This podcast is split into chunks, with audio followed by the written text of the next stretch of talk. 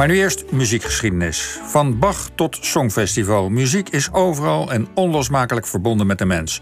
Toch wordt het vaak vergeten in onderzoek naar onze ontstaansgeschiedenis. Ja, en in het boek De muzikale mens wil Michael Spitzer dat goed maken. Hij schrijft daarin de geschiedenis van de mens. Hij beschrijft die van miljoen jaren geleden, ja, u hoort het goed, tot heden.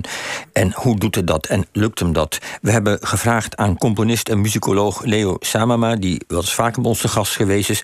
Uh, jammer genoeg alweer een tijdje geleden. Fijn om Leo weer te zien. Leo, goedemorgen. Genoeg, Welkom. Uh, het boek Gelezen hebbenden voor ons.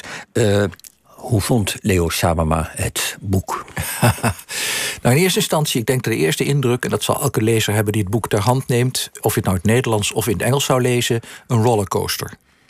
Het voelt aan alsof je geen kant meer op kan. Je wordt gedwongen in een route. En het tweede is dat je hebt continu de indruk dat de schrijver als een kind in een speelgoedzaak rondliep. Alles uit de kasten haalt, alles op elkaar stapelt, alles probeert met elkaar in verband te brengen, tot en met de kleinste onderdeeltjes. En zo nu en dan raak je uh, werkelijk uh, de weg totaal kwijt. En moet je gewoon moedig doorlezen om daarna weer te ontdekken dat iets wat later gezegd is, een uitleg is van iets wat hij eerder beweerd heeft. Uh, Heel spannend om te lezen voor iemand zoals ik, die uh, al 50 jaar in het vak zit. Bovendien ook nog een enorme aanslag op je kritische vermogen. Omdat je voortdurend je eigenlijk afvraagt: is wat mhm. hij zegt nou echt waar? Ja, want ik denk direct, als ik hoor miljoenen jaren geschiedenis van muziek en mens, miljoenen jaren.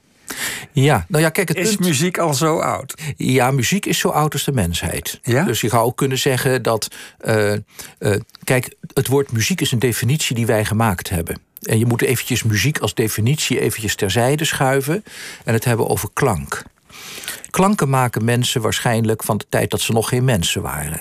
En gaandeweg. Ja, ja zoals vogels altijd muziek maken, zeg maar, door te, te, te, te fluiten. Wij vogels fluiten. Eerder dan dat we spraken, bij wijze van spreken. precies. Kijk, en op Puppet is gewoon klank is gesplitst.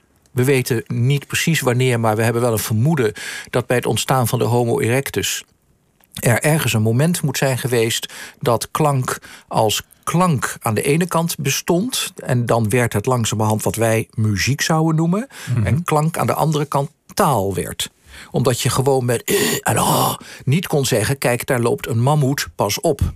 Dus er moest op een bepaald moment iets concreets komen in taal, waardoor je een boodschap kon overdragen. En tegelijkertijd had je ook nog de spiritualiteit van klank, die te maken had met het weerkaatsen van de, het contact met de geesten, met uh, het hogere, maar misschien ook wel gewoon met feesten en dansen en liefdebedrijven en al die dingen. Dat, daar, daar kon klank gewoon klank blijven.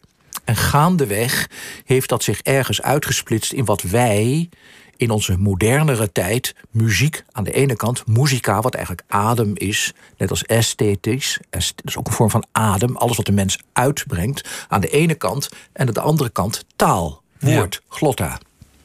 En die twee dingen, daar gaat hij dus ook helemaal op in. Maar je zou ook kunnen zeggen, hij maakt het zich wat dat betreft. De slogan is mooier dan de inhoud, moet ik zeggen.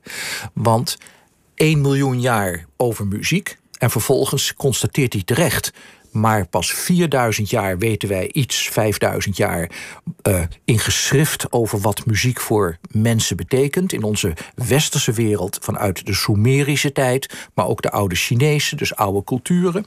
We weten iets van wat in symbolen op tempels of op piramides is gezet. Zonder taligheid hebben die wel degelijk gegeven aan dat muziek een rol speelde.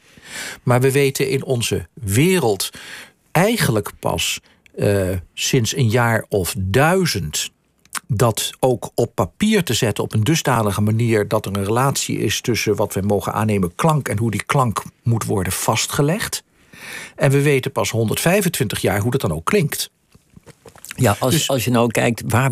Kijk, want als je dit vertelt, denk ik. Nou, dan zijn dit vast. Het is een boek van 700, 800 pagina's. Dan zou het zomaar kunnen dat de eerste 200 pagina's zijn die paar miljoen jaar. En de andere 500 zijn vanaf het moment dat we schriftelijke bronnen hebben over muziek. Eh, klopt ja, het is werkelijkheid is het misschien nog veel, veel scherper. Ik denk dat als je het in pagina's doet, je zegt 10% gaat over die voorouderlijke tijd, prehistorisch. Mhm. En 90% gaat over grofweg de laatste drie, 4.000 jaar.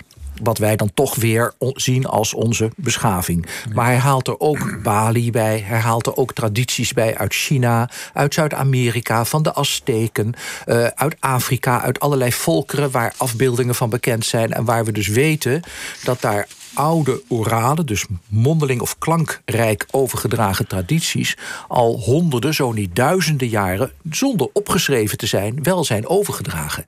Jij, uh, wat deze auteur, dit, dit, boek maakt de indruk, dit, is, dit wordt een seller, dat is de verwachting. Het is heel snel vertaald, geloof ik. Um, deze auteur, wie is hij? Weet je iets van hem? Is hij, hij is, hoogleraar in Liverpool. En dat lees je ook in het boek, want een groot deel van wat er gebeurt is uh, gericht op wat er in Engeland en met name in Liverpool in de afgelopen 30 jaar gebeurd is in de muziek. Namelijk heel sterk gericht op het herwaarderen van culturele domein in de stad. Proberen arme wijken erbij te halen. En je krijgt dus de indruk dat wat daar gebeurt een klein mirakel is ten aanzien van muziekeducatie en muziekbewustwording. En daarmee ook stedelijke verrijking in een arm uh, vroeger geïndustrialiseerde stad, die, nou, net als Manchester en Leeds. In werkelijkheid gebeurt hetzelfde in Amsterdam Zuidoost met de leerorkesten, die daar ook enorme boost hebben gegeven. En verder in de rest van Nederland. Het gebeurt in Duitsland, als je kijkt wat Simon Rattle met de Berliner in Berlijn heeft gedaan. En daar met achterstandswijken en kinderen eruit de uh, Sacre du Printemps van Stravinsky hebben ingestudeerd en uitgevoerd. Wat dat heeft betekend voor de kinderen de kern van zijn verhaal is. Wij leven in een maatschappij waarin het hele muziekdomein, dus alles wat muziek te maken heeft, steeds meer elektronisch wordt, steeds meer gecomputeriseerd wordt, steeds meer alleen maar geconsumeerd wordt en er is veel te weinig werkelijke participatie. Oké, dus hij wil muziek teruggeven aan de mens en de mensheid. En daarom schrijft hij een boek van 600 pagina's hoe muziek ons en klank ons gevormd heeft. Ja, en hoe, hoe het aan de ene kant uh, uh, bijna biologisch, antropologisch, paleontologisch een onderdeel van de mens is. En hoe wij mhm. nu bezig zijn om op zekere manier het van ons af te stoten. Hij zegt het zou de dood van de mens zijn als de dood van de muziek. En wat vindt muzikoloog Leo Samama van die gedachte? aan de ene kant begrijp ik hem. Want het is een angst die velen hebben. We hebben allemaal het idee, zeker in de muziekkunst, van hoe lang gaan we nog naar het concertgebouw toe om symfonieën te luisteren? Is dat niet op een bepaald moment gewoon oude meuk, om het maar zo mhm. op zijn Nederlands te stellen? Er moet er niet iets komen wat meer van ons en hedendaags is? En aan de andere kant denk ik, zolang wij nog uh, totaal in awe kijken naar tempels van 2.000, 3.000 jaar geleden, naar uh, afbeeldingen of uh, Griekse tragedies lezen, of ons bezighouden met oude Japanse noodtheater, zullen we ook muziek als een onderdeel mhm. van de cultuur van de mens, in de breedste zin van het woord, altijd blijven koesteren. Ja, maar de, in, de, in die breedste zin, uh, zeg, zeg, maar, de, grote massa ging toch nooit naar het concertgebouw? Nee. Dat, dus, nee, maar dat dus, is, daarom dus, is het ook een dus, drogreden. Dus- maar het is wel zo dat de grootste massa op straat altijd muziek maakt. Ik woon net vroeger ik in een dorp. Het was gewoon een dorpsharmonie. En, ja, precies. En, dus, dus mensen maken muziek. Dus die, die, maar die angst dat muziek uit handen van de mensen komt, of ze nou in een dorpsharmonie spelen of in het concertgebouworkest, maar in de handen van technische makers komt, is die nou wel of niet gegrond voor jouw gevoel? Voor mijn gevoel is, die een, is het een reële uh, gevaar dat er dreigt als je het muziekonderwijs op scholen en in, uh, überhaupt vanaf jonge kinderen. Ik heb altijd gezegd, daar hebben we het al eens een keer eerder over gehad. Vanaf drie jaar moet je muziekonderwijs verplicht stellen. En niet per se, en dat zegt ook Spitzer heel duidelijk, mhm. niet per se omdat het leuk is om muziek te maken, maar omdat muziek de, het, de geest niet alleen scherpt, maar bepaalde onderdelen van ons brein uh, dusdanig kan veranderen dat wij beter drie, driedimensionaal inzicht krijgen, beter combinatorisch vermogen krijgen, beter wiskundig en abstract inzicht krijgen. En dat gebeurt niet in een bewuste zin. Als je kinderen heel jong al daarmee bezighoudt, dan zie je dat in de hersens bepaalde stromen versterkt worden die anders niet versterkt zijn en die we nodig hebben om beter inzichtelijk te kunnen redeneren, om beter te kunnen nadenken, om beter onze dus talen en communicatie. Het is geen kinderachtige kwestie die deze man dus aankaart. Het mhm. gaat om de toekomst van de mensheid eigenlijk. Juist, hij zegt dus: muziek verandert de hersens van de mensen. En als je die muziek weghaalt en alleen maar consumptief maakt, zodat ze het niet meer zelf doen, dan ga je de mens weer langzaam terugvoeren naar een, mhm. een, een, een, een staat waar we niet in willen. Dus eigenlijk, eigenlijk zeg jij, want Ik, ik moest ook naar de muziekschool toen ik een klein jongetje was. En moest ik gedwongen blokfluit spelen. Vond ik helemaal niet leuk, maar het is wel goed voor me geweest. Het is ongetwijfeld goed voor je geweest. En ik kan het niet bewijzen. Uh, maar dat kunnen uh, hersenspecialisten wel. Mu met muziekonderwijs leer je alleen al beter redeneren. Kan je beter abstract denken. Leo, was er nog iets in het boek waardoor je verrast werd qua feiten? Dat je dacht, dat wist ik echt niet. Nou, wat ik niet wist is dat hoe ver de Sumeriërs zoveel duizend jaar voor Christus zich al bezig hielden met bepaalde vormen van wat wij noemen notatie, hoe muziek zou moeten klinken. Ik wist het van Egypte, ik wist het van het oude Joodse Rijk, hè, dus, dus eh, van, van de tijd van, eh, van uh, koning David en daarvoor. Ik wist het van de Oegarieten, dat is wat huidige Libanon is. Dat zijn allemaal voorfasen van de Bijbel.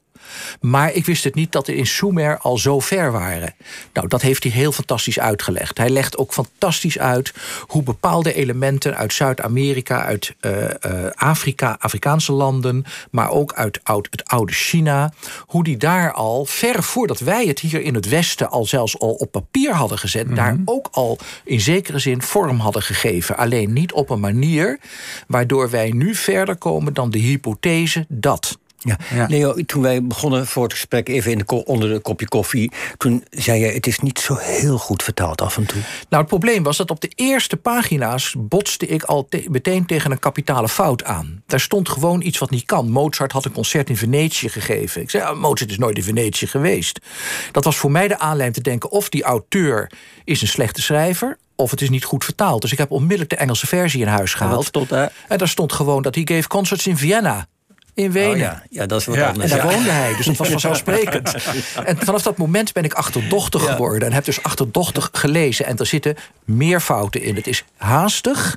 En wat mij betreft door iemand die niet te veel van muziek af weet vertaald. En dat is jammer, want daardoor zijn bijvoorbeeld dingen zoals... als wij over muziek praten, hebben we het over de klinkende tonen. Niet de klinkende noten. Ja. En Theo, dat soort dingen moeten echt boek, aangepakt Ondanks dat foutje, die paar foutjes...